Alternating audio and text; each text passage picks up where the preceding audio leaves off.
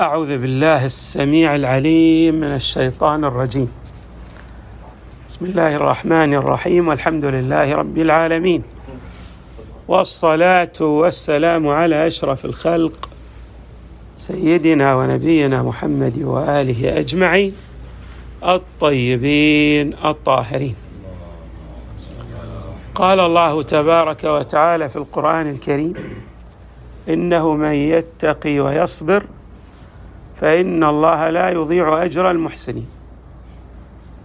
صدق الله العلي العظيم. هناك بعض الآيات في القرآن الكريم. نستطيع أن نطلق عليها برنامج عمل. بمعنى أن من سار على هديها واستضاء بها سيصل إلى المقصد المحدد من قبله. من هذه الآيات المباركة هذا المقطع الذي جاء في قصة يوسف إنه من يتقي ويصبر. الأمر الثاني لا يكفي أن يكون الإنسان من الأتقياء بمعنى أن تتصف أعماله الصادرة عنه ومنه بالصلاح وفقا للقوانين الإلهية. لا بد أن يكون لديه صبر حتى لو كان صالحا دون أن يكون صابرا لا ينجح أيضا في الحياة. ممكن أن ينجح في عالم الآخرة بس النجاح في جميع العوالم ومنها في الحياة الدنيا يحتاج إلى صبر. وهذا الصبر يمكن أن نعبر عنه بكيمياء الحياة بمعنى أن الوصول إلى المآرب والنجاح الذي يتلوه النجاح الآخر يعتمد على الصبر. ولهذا الله تبارك وتعالى يعبر عن النجاحات الباهرة التي تتحقق من خلال الصبر بقوله تعالى في أكثر من آية طبعا لكن هذه الآية من روائع الآيات التي تخاطب النبي صلى الله عليه وآله. فاصبر كما صبر أولو العزم من الرسل. بمعنى أن أصحاب الرسالات السماوية سر النجاح يعتمد سر النجاح في رسالاتهم السماوية كان يعتمد على الصبر.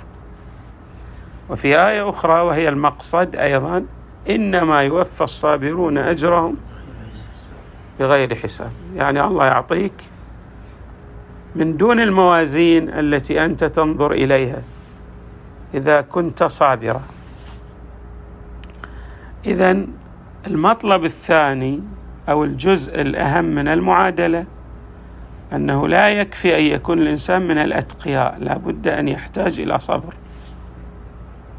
وطبعا الصبر في كل أمر من الأمور أشبه بالمعادلة. يعني إذا كان الأمر بسيطا يحتاج إلى صبر قليل لكن إذا تريد أن تصل إلى مطالب عالية جدا تحتاج إلى صبر كبير. يمكن أن نطلق عليه بجبل من الصبر بجبل من الصبر. إنه من يتقي ويصبر فإن الله لا يضيع أجر المحسن. الجزء الآخر من المعادلة أيضا قبل أن أبين هذا الجزء من المعادلة هناك أمر يشير إليه علماء البلاغة. خلاصته أن إيراد حكم من الأحكام تعليق ذلك الحكم على وصف من الأوصاف يشعرك بالعلية. دائما مثلا هنا عندما يعبر أن الحق تبارك وتعالى بأنه لن يضيع أجر المحسنين لن يضيع أجر من أحسن عملا من الذي يحفظ الحق تبارك وتعالى له أجره؟ هو المحسن. بمعنى الذي يسدي الجميل إلى غيره. هناك أناس ما عنده إحسان. الله لا يضيع أجر الجميع لكن هنا بمعنى أن الادخار الإلهي الذي يتضاعف بنحو لا حساب له يرتبط بالإحسان. كل أعمال الإنسان لها مردود إيجابي لكن المردود الإيجابي الذي يتوقف على هذه الأمور الثلاثة يختلف عن غيره من أنماط وأنواع المردود الإيجابي. في بعض الأمور المردود الإيجابي لها بسيط ولكن هناك أعمال المردود الإيجابي لها كبير بمعنى مضاعف بأضعاف لا يحصيها إلا الله تبارك وتعالى. الله تبارك وتعالى في هذا المقطع من الآية إنه من يتقي ويصبر فإن الله لا يضيع أجر المحسنين. يفصح عن أمر جد هام.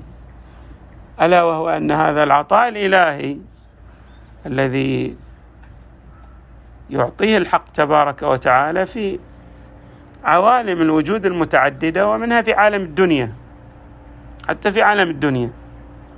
لهذا الصابر الذي يحقق هذه الأمور الثلاثة في شخصيته. اولا تقوى الله بمعنى عدم الخروج عن الحدود المحددة من قبل الحق تبارك وتعالى. لا يظلم نفسه فضلا عن أن يظلم غيره. ومن يتعدى حدود الله فقد ظلم نفسه. لا يظلم نفسه. يسير على جادة الصواب إنه من يتق.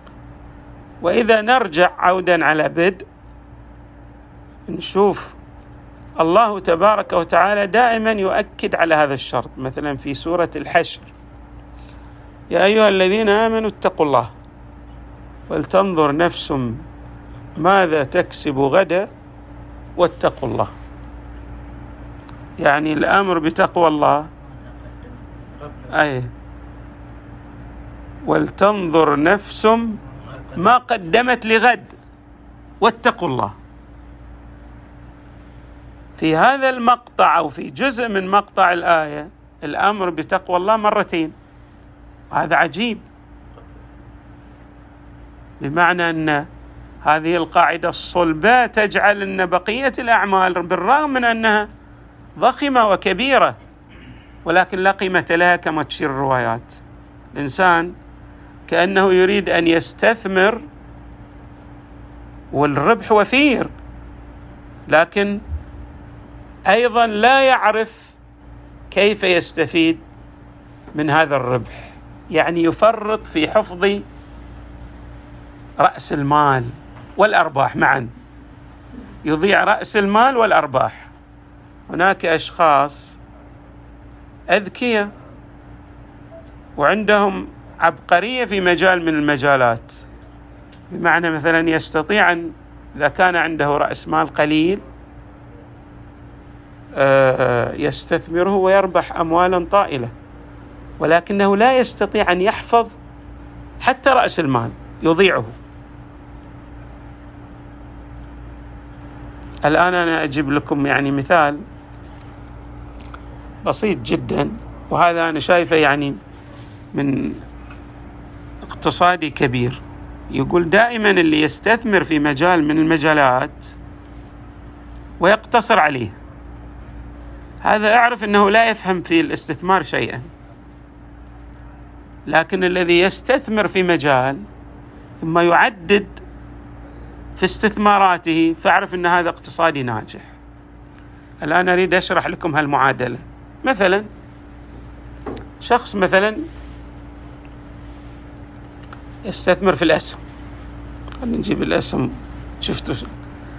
الأسهم ممكن أن ينجح في الأسهم. ما في عنده مشكلة. بس يخلي دائما استثمارات في الأسهم.